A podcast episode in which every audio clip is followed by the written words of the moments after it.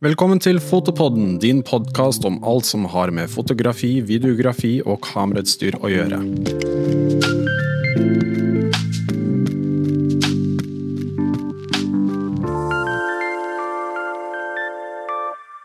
Du trenger ikke å være spesielt interessert i kameraer for å få med deg at det har kommet utrolig mange nye speilløse fullformatkameraer ut på markedet i det siste. Sony har sin A7-serie, Panasonic har kommet ut med S1-serien, Canon, EOS RP og EOS R, og Nikon sin Z-serie. Det kan virke litt overveldende noen ganger, så i dag skal vi dedikere litt tid til å forklare hypen rundt fullformat, hvor og når du kan få bruk for et fullformatkamera, og når du gjerne kan klare deg uten. Vi har også laget en episode om mellomformatkamera for de som vil få med seg det. Og med oss i dag har vi med eh, tre eksperter på området. Eh, hvis dere har lyst til å introdusere dere selv, kan begynne med deg. Ja, Jeg heter Henrik og jobber hos Interfoto. Og har også god erfaring med testing av kamerautstyr fra Fotomag. Ja. Ja. Jeg heter Tom Erik, jobber på Interfoto. Sony-spesialist og nå Panasonic-spesialist. Så har gjort litt speilløst. Litt ekspertise der. Kanskje. Jeg heter Arash, og jeg jobber på foto.no og Interfoto, faktisk. Begge avdelingene. Jeg Er en musikkfotograf og er en Leica-junkie og en Lumix Scandinavian europeisk ambassadør.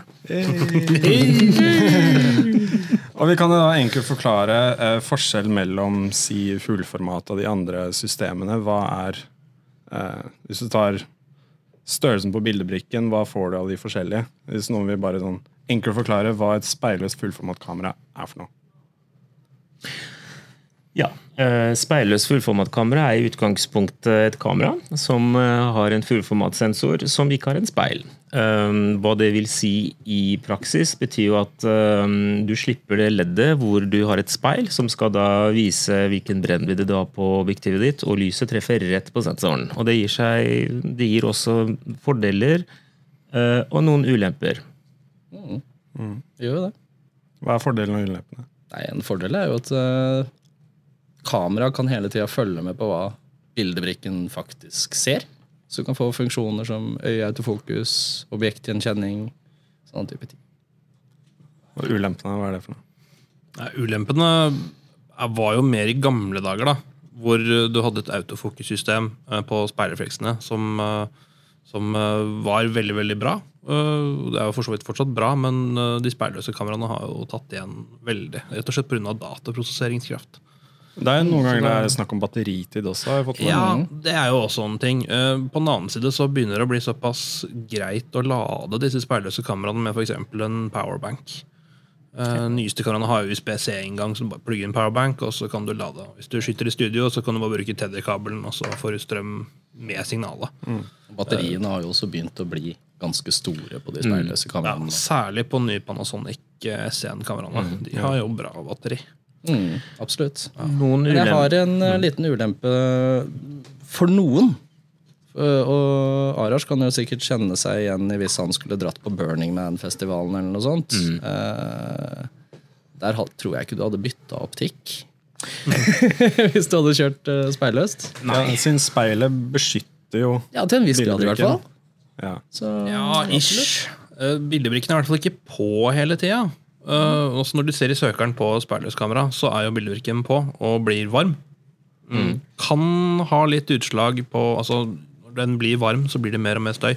Uh, mens, og særlig for de som er naturfotografer, tenker jeg, som driver og sitter i skjul og bruker egentlig kamera som en slags kikkert, så er det egentlig fortsatt veldig greit med speilrefleksen. Der kan du trenger du ikke ha på kamera for å se hvor den der ulven er. Eller hva du Ja, ikke sant? Ja. En, en ulempe som jeg egentlig Som det har tatt for meg veldig lang tid å egentlig falle for hele speilløs-trenden, hvis vi skal kalle det. For at jeg har slitt med å bli glad i de speilløse kameraene, for jeg syns de har vært fysisk veldig små. Eh, og det, For mange så er det en stor fordel, men eh, når formatet på brikken er det samme, så blir jo ikke objektivene nødvendigvis mye mindre. Så når du har da et veldig ganske så lite kompakt kamerahus med fremdeles like stor optikk som speilrefleksen, så er eh, vektbalansen ganske ujevn. Og hvis du har litt store hender, så syns jeg det kan bli litt sånn eh, ja, litt, Ikke like behagelig arbeidsverktøy, i hvert fall når du jobber med det yrkesmessig. da. Så det er, eh, men det har jo endret seg nå, med bl.a. Leica SL, som kom for i 2015, og nå Panasonic Lumix S1-systemet, som jeg har falt veldig for. da. Mm. Ja, jeg har også falt veldig, veldig for det. Og så kan man jo også tenke litt annerledes. Sånn, tidligere så måtte man liksom ha så lyssterk optikk som mulig, mens nå som signalprosessering og sånn har blitt mye mer effektivt, så kan man jobbe med høyere ISO-er eh, på ganske like resultater som før. Eh, og dermed velge mindre optikk. Kanskje gå for blende 4-objektiver mm. istedenfor blender 2,8. Mm. Eh, og da kan det jo fortsatt være hendig å ha de små mm. systemene eh, for de som liker å, ja. å ha det lett. da. En annen fordel som jeg kom på farta, er at uh, i gamle dager så var du jo veldig låst. Når du kjøpte optikk til et kamerasystem, så var du nødt til å bruke det kamerasystemet hele tiden. Men nå med speilløs så kan jo du med adaptere bruke alle typer nesten objektiver om hverandre. Mm. Og det gjør at verdien i å investere i optikk øker jo noe mye mer enn det var før. Ja. Uh, og det er klart Du får ikke like bra ytelse med noen kombinasjoner, men du har i hvert fall muligheten til å kunne bla fram din gamle Fortliner-objektiv som du har gitt opp for flere år siden, og plutselig så skinner den. Mm. Uh, det nye, Blant annet Panasonic SN, f.eks. Mm. Uh, og det er sånn Det gjør at en del klassiske gamle objektiver blir nå mer hot ja. på brukmarkedet. Og der kan man finne fram gamle, fine objektiver som ikke nødvendigvis er de skarpeste, men som har karakter. Ja, det er masse funn der. Nå de siste har jeg egentlig brukt mer gammel, rar optikk på kameraene mine enn jeg har brukt originaloptikk. Ja. Det er veldig veldig moro. Og du finner ting til altså, hundrelapper. Mm. Både på Finn og på eBay. Liksom. Det er veldig moro. Ja, da kan man begynne å skru fra hverandre objektivet og begynne å ja, ja. leke litt med det. Og Sette det sammen igjen og se hva du får. uten at det koster skjorta. Liksom. Ja, ja. Litt moro. Men uh, en annen fordel som jeg kom på nå, er at uh, det du ser i søkeren i, på speilløse systemer, er jo, det er jo det du får. Mm. Uh, så du kan også Du ser jo hva bildet blir før du fanger øyeblikket på en måte Du får en indikasjon på hvordan det kommer til å bli. Ja. Og Det gjør at det er mye morsommere å leke med dybdeskarpheter og ja, den type fotografering. da. Mm. Uh, for, mindre prøving og feiling, rett og slett. Ja. Så, sånn, du, du, kom, du, kommer ikke hjem etter å ha tatt bilder og så Oi, der var hvitbalansen og egentlig eksponeringen helt feil. Mm. Så du ser det jo i søkeren før du trykker på knappen. Ja. Og Hvis vi skal da gå inn på et fullformatkamera uh, versus da si et Micro Four Thirds-kamera, mm. uh, hva er fordelen og ulempene ved å ha en større bildebrikke? Uh, du får jo mye bedre ytelse, spesielt når det gjelder lite lys. Du har jo en flate som er større, ja. så den tar jo opp mer lys. Og så har man jo stort sett mer dynamikk også i de større brikkene. Og mer informasjon per piksel. Mm. Så hvis du jobber mye med lowlight, så mener jeg at uh, det er full frame som gjelder. Um, fordi at, som Tom Erik påpeker, da, er at uh, du, når du jobber med dårlig lys, så er du helt avhengig av å kunne ha best mulig kvalitet på ISO-er over 1600, 3200, til og med 6400. Og, og over det også. Uh, og da er jo det er, det er, en fysikk vi snakker om her. Det er en brikke som er dobbelt så stort, så det sier seg selv at du vil få bedre kvalitet. Mm. På den annen side så jeg er delvis enig. Um, og lowlight hvor det er bevegelse, så vil jeg tørre å påstå at full fullframe rocker alt annet. Men driver man med si, arkitektur, fotografering og natur som ikke beveger seg noe særlig, så er det lettere å stabilisere mindre bildebrikker. Sånn at man kan kompensere for mye av det lystapet med overflaten med å ha lengre lukketider. Ja. Eh, da vi hadde den der eh, nye Olympusen på test her, så jeg klarte vel 12 sekunder på 14 mm eller noe sånt. Håndholdt. Ja. Du dro vel 14 eller noe sånt? 15, eh, 15 sekunder klarte jeg på 12 mm. Den Olympusen, den Olympusen, hva slags størrelse er det på den? Ja, Det er Micro Four Thirds. Det er Micro Four Thirds. Mm. Mm.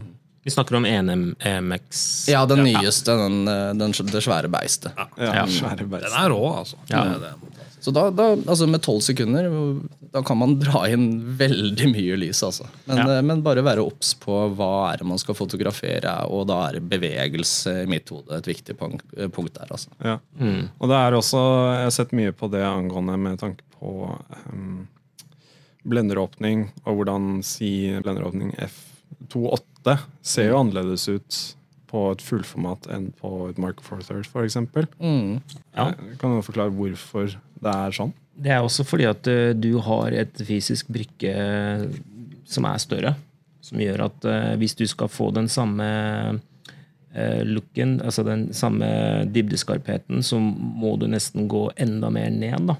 At du må kanskje gå ned til 1,2 på en Micro Four Thirds for å få den samme effekten hos 2.8. Det, jeg har ikke helt eh, tallene i huet akkurat på hva som funker, men det er sånn som hvis du går et hopp og for eksempel sammenligner eh, mellomformat med fullformat, så er jo 2.0 er jo enda mer vanskelig å treffe fokus enn på, full, på en mellomformat enn det er på en uh, fullformat. Ja.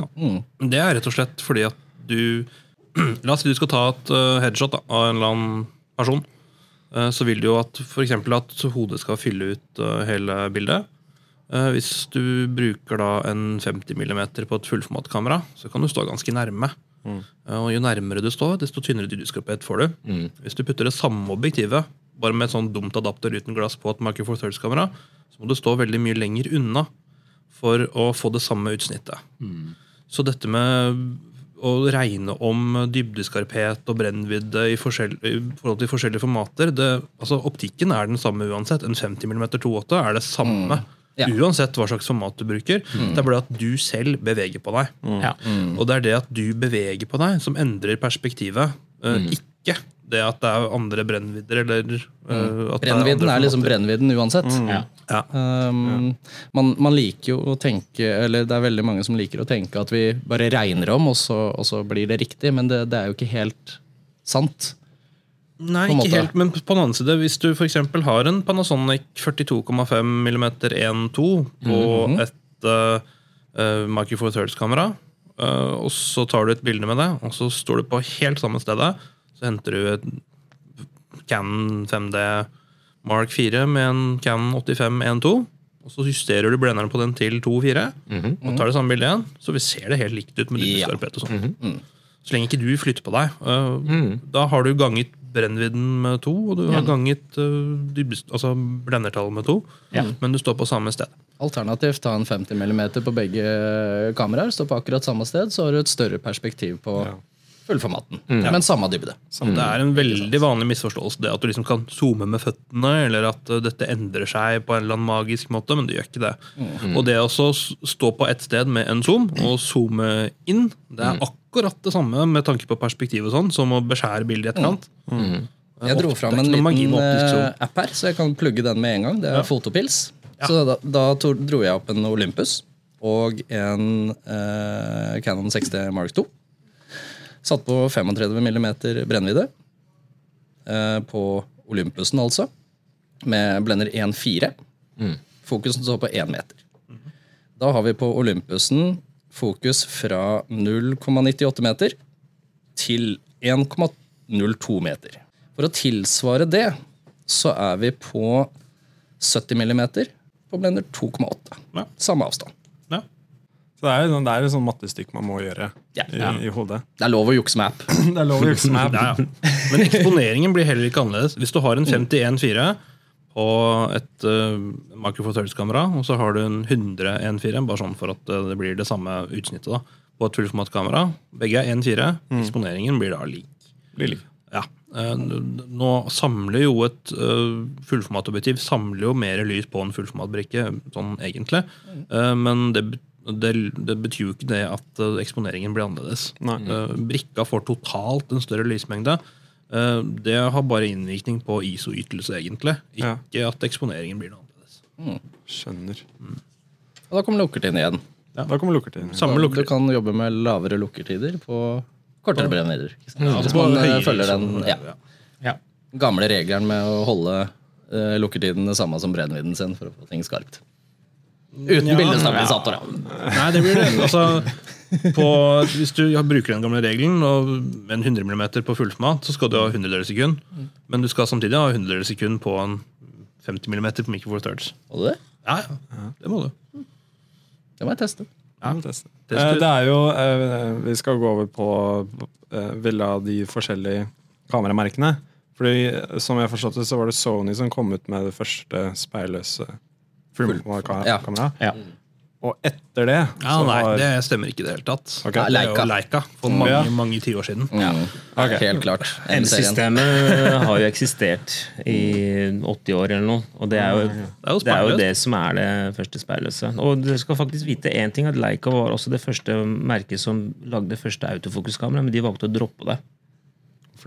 Nei, det, det må nesten spørre dem. Jeg tror de mente at uh, autofokussystemet var ikke verdig nok til den optiske kvaliteten. Derfor så valgte de heller å prioritere kvalitet på bildet enn ujevn autofokus. Jeg vet egentlig ikke detaljene rundt det, men jeg bare vet at uh, ja, det ligger en historie bak der, da. Men hvis vi tar alle de merkene som er uh, ute nå, da, eller alle de kameraene, for, forskjellige merkene Digitale speilløse fullformatskameraer.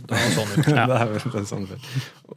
Poenget mitt var at etter at Sony kom ut med sitt, så kommer jo alle de andre merkene én etter én etterpå. Hva er de, de, Hvis du ser på speksene, så ser det for så vidt veldig mange ganske like ut hvis, i forskjellige prisklasser. Hva er liksom den største forskjellen nå? Du får jo bra resultater fra alle kameraene. Ja, ja. Absolutt. Bildekvaliteten er jo bra overalt. Ja, ja. Altså, det fins jo ikke kameraer som tar dårlige bilder lenger. Nei. Det fins bare fotografer som tar dårlige bilder. Bruker brukerfeil. Vi er jo kjempebortskjemte. Det er jo Det er vi. veldig mange modeller, men det vi kan Jeg tror alle her i rommet kan bli, er, være enige om, er at uh, forskjellen er at uh, Sony har fått et uh, fantastisk forsprang. Og siden de produserer sensorene selv, så vil jeg nesten si at de ligger nesten en generasjon foran de andre. Men nå har andre merker som bl.a. Panasonic kommet veldig sterkt på banen.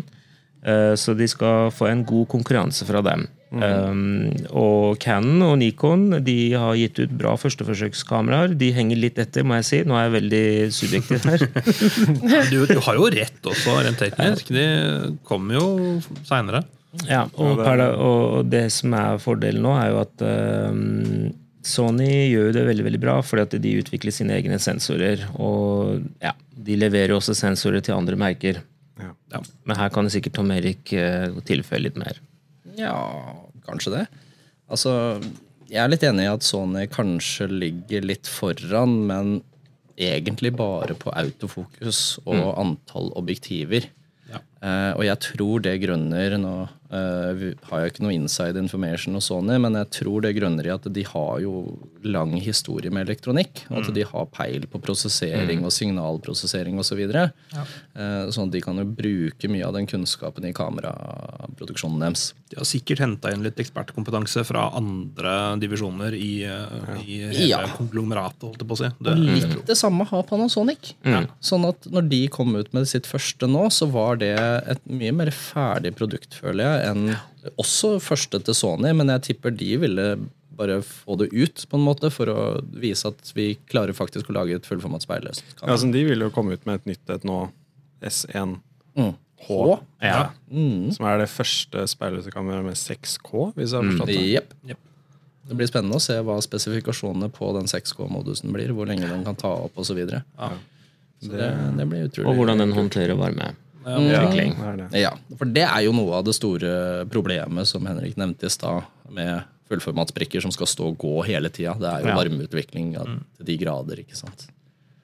Så Det er en av de største utfordringene med kameradesign for tida. Det er Ja. varmeutvikling. Ja, så de skal bli mindre og mindre. Og så, Særlig med tanke på video. ja. Ja, De første Sonyene hadde jo ekstreme problemer med varme. Eh, nå så er det jo en helt annen, helt annen greie. Ja, fordi de har eh, sagt med det nye Sony ACVR 3 4, ja, fire. 4 at det ikke skal Det skal bare fortsette å ta opp uendelig. Ja, jeg testet det med A6400 som kom ut for litt siden, og den stoppa vel ikke på to og en halv time, eller noe sånt, og da gikk batteriet tomt. Ja, Så så problemene blir på en måte løst. ja, teknologien går fremover, Ja. ikke sant? Og, Men det virker som, har jeg forstått, at det er veldig hard konkurranse nå mellom merkene. Å ja. Ja. Eh, Jeg tror det bare blir viktigere å gå litt mer i sømmene eh, på de forskjellige produsentene. Altså, eh, med mindre man har en svær objektivpark, så er det jo lettere å gå over på det systemet. Fordi eh, de adapterene som Canon og Nikon selv lager, de fungerer mye mer bedre enn et tredjepartsadapter. Eh, Fordi det er jo språk inni her. Hvis man tenker på det som språk, så, så snakker objektivet et Canon-språk. eh, med gamle EF. ikke sant? Da snakker det EF-språket. Eh, Metabons og Sigma og sånn må jo finne ut av det språket og så oversette det til Sony-språket. ikke sant?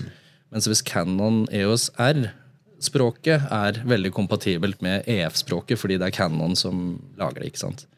Eh, Så, så det er jo en liten fordel hvis man har ekstremt mye utstyr til, til sin brand. Men tar man bort det, så ser man jo at, at det er litt sånn nisjete greier inni alle disse her eh, kameraene.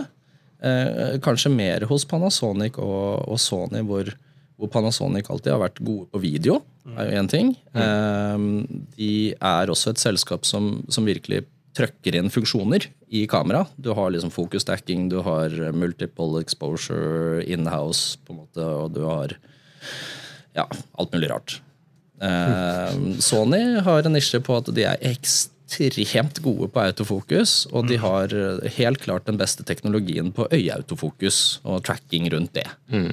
og tracking generelt, ikke sant? Eh, så da kan man tenke litt hva slags grener er det jeg holder på med innenfor video og foto, og så prioritere det merket som, eh, som har de nisjene som du trenger. Det er ikke noe tvil at eh, det er en vanskelig altså Vi har jo et luksusproblem, i hvert fall for en som har lyst til å begynne med foten og som ikke har noe objektiv, som Tom Erik nevnte i stad, så er det, det er ganske vanskelig å velge systemer, for det er så mange bra systemer.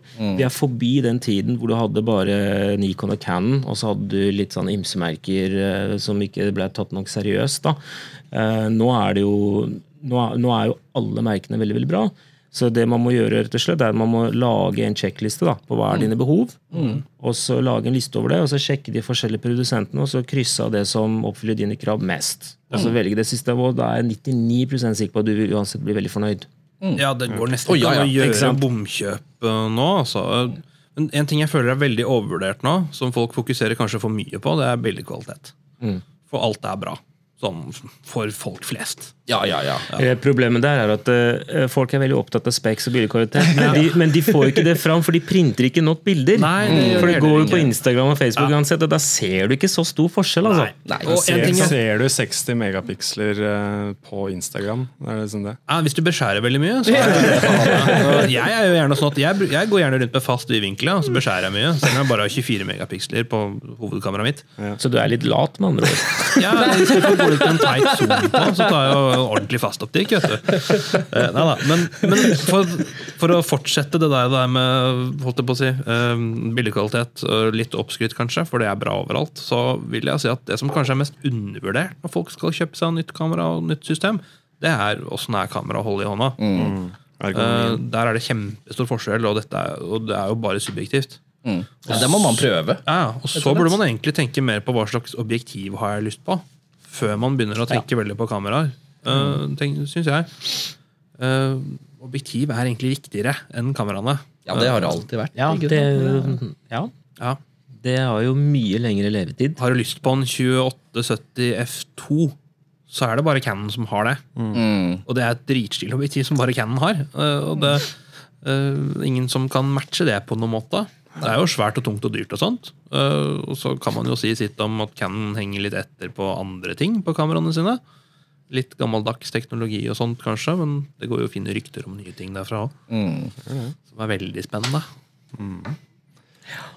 Nei, men jeg, jeg opplevde at liksom de, som, eh, de som bruker Canon-kameraer, de sier at det er et eller annet med bildet som bare er, ser fint ut. Ja. De klarer liksom ikke å forklare hva det er, men det er bare et eller annet med bildet som gjør at det er Ja, dette er jo kjempesubjektivt. Så det, Ja, ja, det er jo veldig det, det er sånn, du, kan en, du kan gjøre en blindtest Mm. på, på bilder fra alle de forskjellige kameraene. Mm. Og det er mange som sier at de kan se forskjell, men Det er vanskelig. Det, det er vanskelig. Det er vanskelig. Det er veldig vanskelig. Og så har det litt med Jeg, jeg tror det kanskje også har, har mye med hvordan man faktisk behandler bildene sine i, i etterbehandlinga. Ja, liksom, hvor, hvor er man er vant til å pushe det og dra det og, og liksom eh, tulle og tøyse med filene? Um, du kan ikke gjøre det akkurat det samme på en Canon og en Nikon og få det samme resultatet. Så man må liksom omstille seg hvis man bytter brand til å ok, nå må jeg bare ikke dra disse sliderne sånn som jeg vanligvis gjør det. Nå må jeg liksom vurdere bildet på en ny måte. da. Eh, og finne ut hvordan jeg nå vil redigere bildet. ikke? Ja, Du må rett og slett tilpasse arbeidsflyten inn i forhold til verktøyet. Ja. Men det er jo ikke noe vits i å snakke om det hvis ikke man har en kalibrert skjerm, f.eks. Nei. Absolutt. Men vi er jo skikkelig banedyr hele gjengen, så det, det er jo ikke så rart at hvis man har jobbet på én måte i for, å si, for eksempel Lightroom i alle år med ett merke, og så bytter du merke, og så oppfører ikke ting seg som du er vant til. Det, det er jo ikke noe rart, det. Ja, Mange fikk jo sjokk da Fujifilm kom ut med Extran-sensoren. Og liksom inn i Lightroom og var, hva er det her? Det var jo dårlig i starten, det må vi være ærlige på. Men nå er det jo ikke dårlig lenger. Nå er det bare at det er det folk skarper opp feil i Lightroom. Ja, det er det. It. Ja. Eller Adobe har vel en feil standardinnstilling, kan vi vel kanskje være enig i. Ikke standardinnstillinger, da. Det er. Hvilke kameraer er det i uh, speilløs fullformat-kategorien som vi har å se frem til i løpet av høsten? Som vi vet om, i hvert fall. Det er to stykker. Ja, er Men er det rykter om noen flere? Ja, Ja, det er det absolutt. Jeg leste her at eh, Sony nå hadde registrert fire nye kameraer i Japan. Ja. Så det er mange som mistenker at Sony kommer med fire nye kameraer i år. Kom ikke de nettopp med tre kameraer? Uh, Ja, de kom ut med A6400 tidligere i år med Ja. en ja. Og så kom de ut med A7R4 nå, mm. som blir tilgjengelig i august.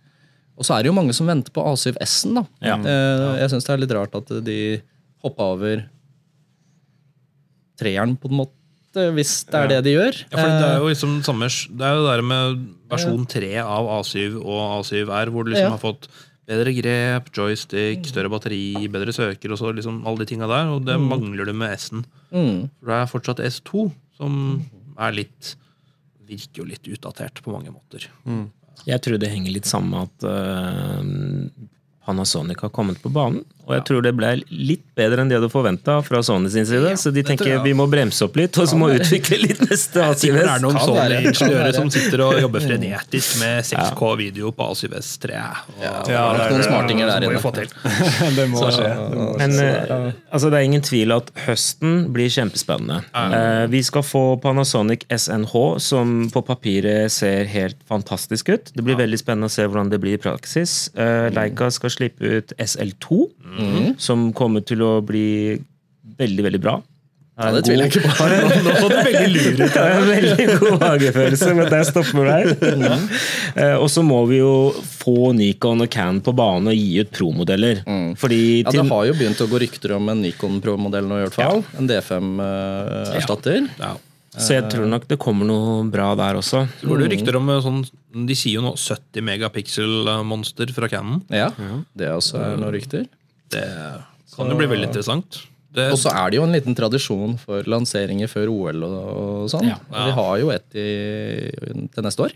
ja, Det stemmer, det. Er det sommer eller vinter? Sommer-OL i Tokyo. Sommer-OL i Tokyo, ja. hjemmebanen til de fleste kameraprodusentene. Oh, Ja, da Hvem skal stille med kameraene der? Ja. Det er spørsmålet. Ja, og man, man, altså for min del, som har vært Sony-produktansvarlig her hele veien, så Altså, De lanserte jo en 400 mm for ikke så altfor lenge siden. Nå kom det en 600 mm og en 2 til Nei, 200 til 600. 200 til 600. ja. Ja. Uh, Så de fyller jo opp den der lange tele-lineupen sin nå. Ja, jo det. så, så det kan jo også hinte til en annen i Mark 2, ikke sant? Det ligger i kortene. Det ligger Det litt i ligger i kortene at det kommer en annen i Mark 2 før OL. Ja. Så jeg håper på en spennende høst med Ani Mark 2, ACVS 4 eller 3, eller hva de kommer til å kalle den, og kanskje en erstatter for RX1R Mark 3 eller noe sånt. Det hadde Ja, vært det var kult. dritkult. Tenk deg et kompaktkamera med 61 megapiksel. Det hadde vært sinnssykt. Så må ikke vi glemme Sigma, da. De Nei, også Sigma kommer med Ja, full yes. frame superkompakt, som kommer til å bli Ja. veldig spennende. Og da kommer vi inn i det et annet tema som jeg personlig jublet veldig for uh, Fotokina i fjor, var jo Elmant-alliansen. Som er nok, vil jeg si, er noe av det mest spennende som har skjedd i kamerabransjen de siste ti årene, faktisk. vil jeg Ja, si. egentlig. For det er et offisielt allianse nå mellom Leica, Panasonic og Sigma, som gjør at du kan bruke kamerahusene uh, og objektivene med samme fakning om hverandre. og det gir jo Slipper adaptere. Helt riktig. Ja, og du slipper adaptere hvor en tredjepart som egentlig ikke, altså, ikke har fått offisiell informasjon for å oversette mellom de språkene, ikke sant? men har, de har samarbeidet på ordentlig, og de, de deler informasjonen, og det skal jo, ja, det skal jo funke helt sømløst sammen. Ja. Ja, Panasonic og Olympus gjorde vel liten greie der. eller Det var en enighet rundt Micro for Thirds, i hvert fall. Ja, det gjorde det. Mm. Men, eh, men det er kult å se det skje i fullformat også. Ja. ja. er, eh, Det gir jo et hav av muligheter nå. Ja. Hva heter den nye Sigmaen som, som skal komme ut? Er det FP? Jeg mener det var FP. Det, dette burde egentlig. Så ja. Når er det den kommer, egentlig? Det var ikke det snakk om Høst oktober? Ja. Oktober, september, oktober. ja. Så de har vel også. Ja, det er vel den filmvarianten deres, mener jeg det skal være. At den er litt sånn modulær eller et eller annet. Ja, det er en sånn liten plass som du putter ting på. Rare greier. Litt sånn som Hasselblad og Face One har fungert. Ja. Eh, og litt Fujifilm. med GFX 50S, bare ikke Ja, ja, Der har du liksom måte- søker og litt sånne småting, men, Ja. men at, du kan, at det er mye mer modulært. Da. Ja. Så det er spennende. Så Veldig med, med spennende. andre ord, det er veldig mye å se fram til. Å ja. Å ja, dette her er jo bare starten av hva den teknologien her kan by på. For alt opp til nå har jo egentlig bare vært å komme opp til et nivå som faktisk er brukende. Ja. Eh, Jeg husker første speilløst kameraet mitt. Jeg bytta fra Nikon D et eller annet til Og det var en fullformat Nikon. Jeg bare, faen, jeg orker ikke å dra med meg denne greia her rundt hele tida.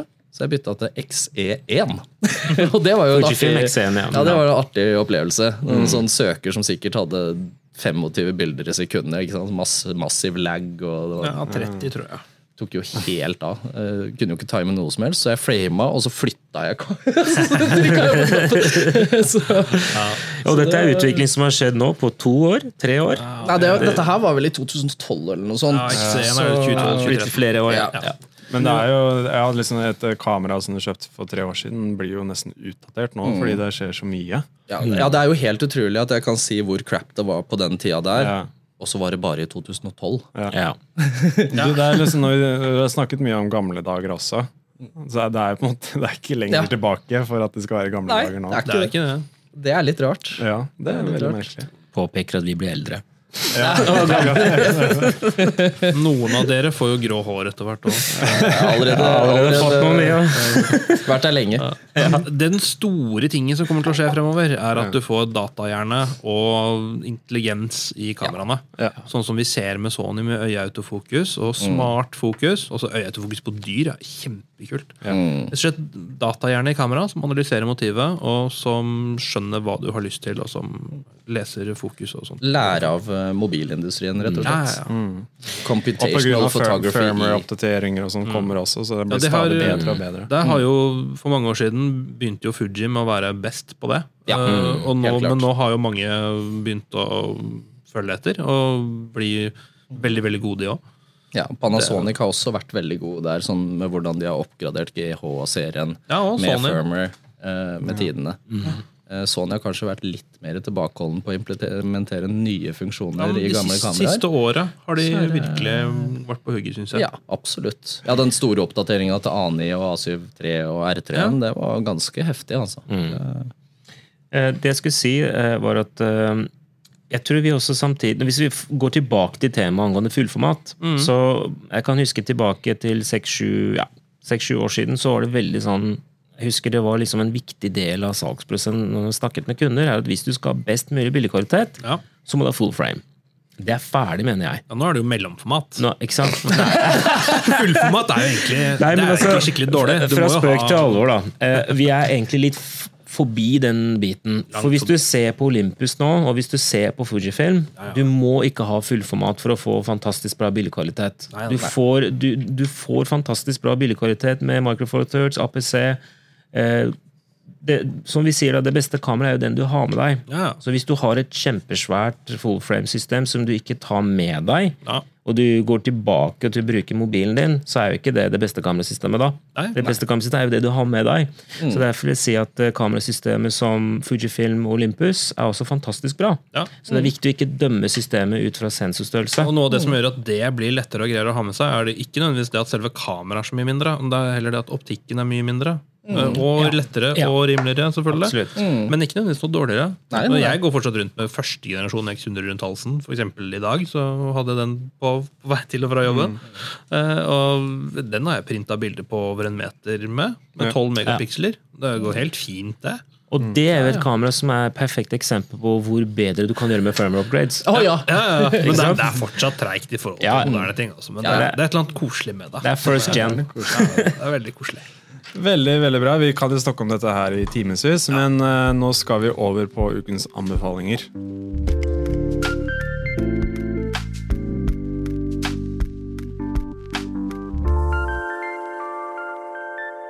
Og det er jo at vi kommer med en eller annen anbefaling. Det kan være om det er en annen podkast, en uh, fotograf man burde sjekke ut, en YouTube-kanal, egentlig hva som helst. Uh, er det noen av dere som har noe line up? Jeg har eh, en anbefaling mm. som eh, jeg har veldig lyst til å dele med dere, og det er prøv Panasonic S1. Du tok, du tok egentlig min, du nå. Det er derfor jeg sier Panasonic ambassadør. Ja, helt upartiske Panasonic. Dette, Panasonic blir glad nå, vet jeg prøver ikke å følge en kontrakt nå. Altså, jeg er helt ærlig. Det er, det er et fantastisk kamera. Det er, jeg vet at det er veldig mange som er eh, avventende på den, og de venter med at det kommer tester og sånn, men helt seriøst, dra, dra til nærmeste butikk, lån og test den. Har du Can-objektiver, du kan teste det. Leica-objektiver. Du må bare teste det. Så um, ja. Det er det jeg vil anbefale. Jeg er helt enig i det. Altså. Det er jo det er det første fullformat speilløse kameraet som har hatt skikkelig bra grep. Ja, det sitter Det, bra. jeg, Å, ja. Det er svært, ok, og det er tungt, men det, Det er deilig. Det er så stort og deilig. Det har vært så undervurdert frem til nå. Det der med at, det er, eh, at speil skal være så små og lette. Nja, ikke, ikke alltid. Ja, det er litt Sony sin feil, den der Det er det. det, er. Fysikkens lover kommer man liksom ikke bort fra. oss. Nei. Hadde du en anbefaling? Ja, eh, litt sånn i ånden av eh, lagringsepisoden vår, der vi anbefalte en litt sånn light-nerdete podkast, så vil jeg nå anbefale en skikkelig nerdete podkast med stor advarsel om at dette er for skikkelig nerder. Eh, Den heter Omega Tau. Eh, Den er for så vidt både på tysk og engelsk. Eh, Så hvis man kan tysk også, så får du enda flere episoder å høre på. For det er en tyskere som lager det. Eh, og de stort sett om veldig tekniske episoder, som er veldig veldig lange, om eh, teknologi, vitenskap, eh, mye sånn fly og flyindustri og romfart og sånne ting. Ingeniørkunst og data og IT. Veldig veldig gøy hvis man er den typen og synes det er innafor. Mm. Da har jeg tenkt, mens han stjal min eh, anbefaling. Så jeg kom på akkurat at jeg driver jo og ser på muligheten for å kvitte meg med abonnementsløsninger. Ja. Så da har jeg i det siste lekt meg veldig mye med DaVinci Resolve 16. ja. Så da vil jeg anbefale det hvis man skal ha et videoredigeringsprogram. Det som er veldig kult med DaVinci Resolve, er at man får en light-versjon som egentlig er ganske full-fledged, vil jeg si. Gratis. Ja. Og fullversjonen koster noe 3000 kroner eller noe sånt. Så, eh, men hvis du prøver en S1H, som Arash, eh, nei, S1, som Arash har eh, anbefalt, og skyter 10-bit der, så må man konvertere dette på RORES først. Ja. Hvis man har gratisversjonen. Da vil jeg anbefale noe som man burde abonnere på. Veldig spennende. Det, eh, det, det er en nettside, man har sikkert sett reklamene på det, hvor det er liksom regissør- filmregissører sånn som kommer med sine tips og triks. Det er eh, masterclass.com. Jeg kjøpte et årsabonnement der. eh, Som man gjerne kan spleise på. Vi hadde et sånt filmkollektiv hvor alle liksom spleiser på et årsabonnement der. Og så er det kurs, videoer om absolutt alle emner du kan tenke deg. Og det er noe, for det er noe der for absolutt alle. Jeg har hørt mye godt om Masterclass, Det er og at de gjør det litt bra. annerledes enn de typiske læringsstedene. Og de gjør det veldig bra, veldig forklarlig, veldig forståelig. Og det jeg endte opp med å gjøre, var å se på eh, videoer som ikke hadde noe med film å gjøre. Og det var en eh, gammel sjef fra Starbucks for eksempel, som snakket om business. Mhm. Og jeg synes det var kjempeinteressant, fordi han forklarte det på en veldig forståelig enkel måte. Som var, gjorde det mulig for alle å få, få det med seg. Så jeg anbefaler i hvert fall å sjekke ut den websiden. Og ta og Mm. Ja, For de fotografene som hører på, så har vel Ann Lebowitz laga en masterplass der. Og den var Um, veldig bra. Mm, Du og du du fortalte noen alle de flotte historiene. Ikke sant? Og du har noen sykt proffe filmfolk som, Ja, ja, eh, som er der. Så det vil jeg anbefale folk å sjekke ut. Eh, Det var det. Takk gutta for at dere stilte opp. Og hvis folk har noen spørsmål om dette evnet, så er det bare å skrive i kommentarfeltet, så er alle fire tilgjengelige for å svare der. Og hvis dere har noen forslag om emner, temaer, eh, gjester vi kan ha på podkasten, så er det bare å skrive det også. Og så er det bare å følge oss på alle sosiale medier på Facebook, YouTube og Instagram. Og så ses vi neste uke.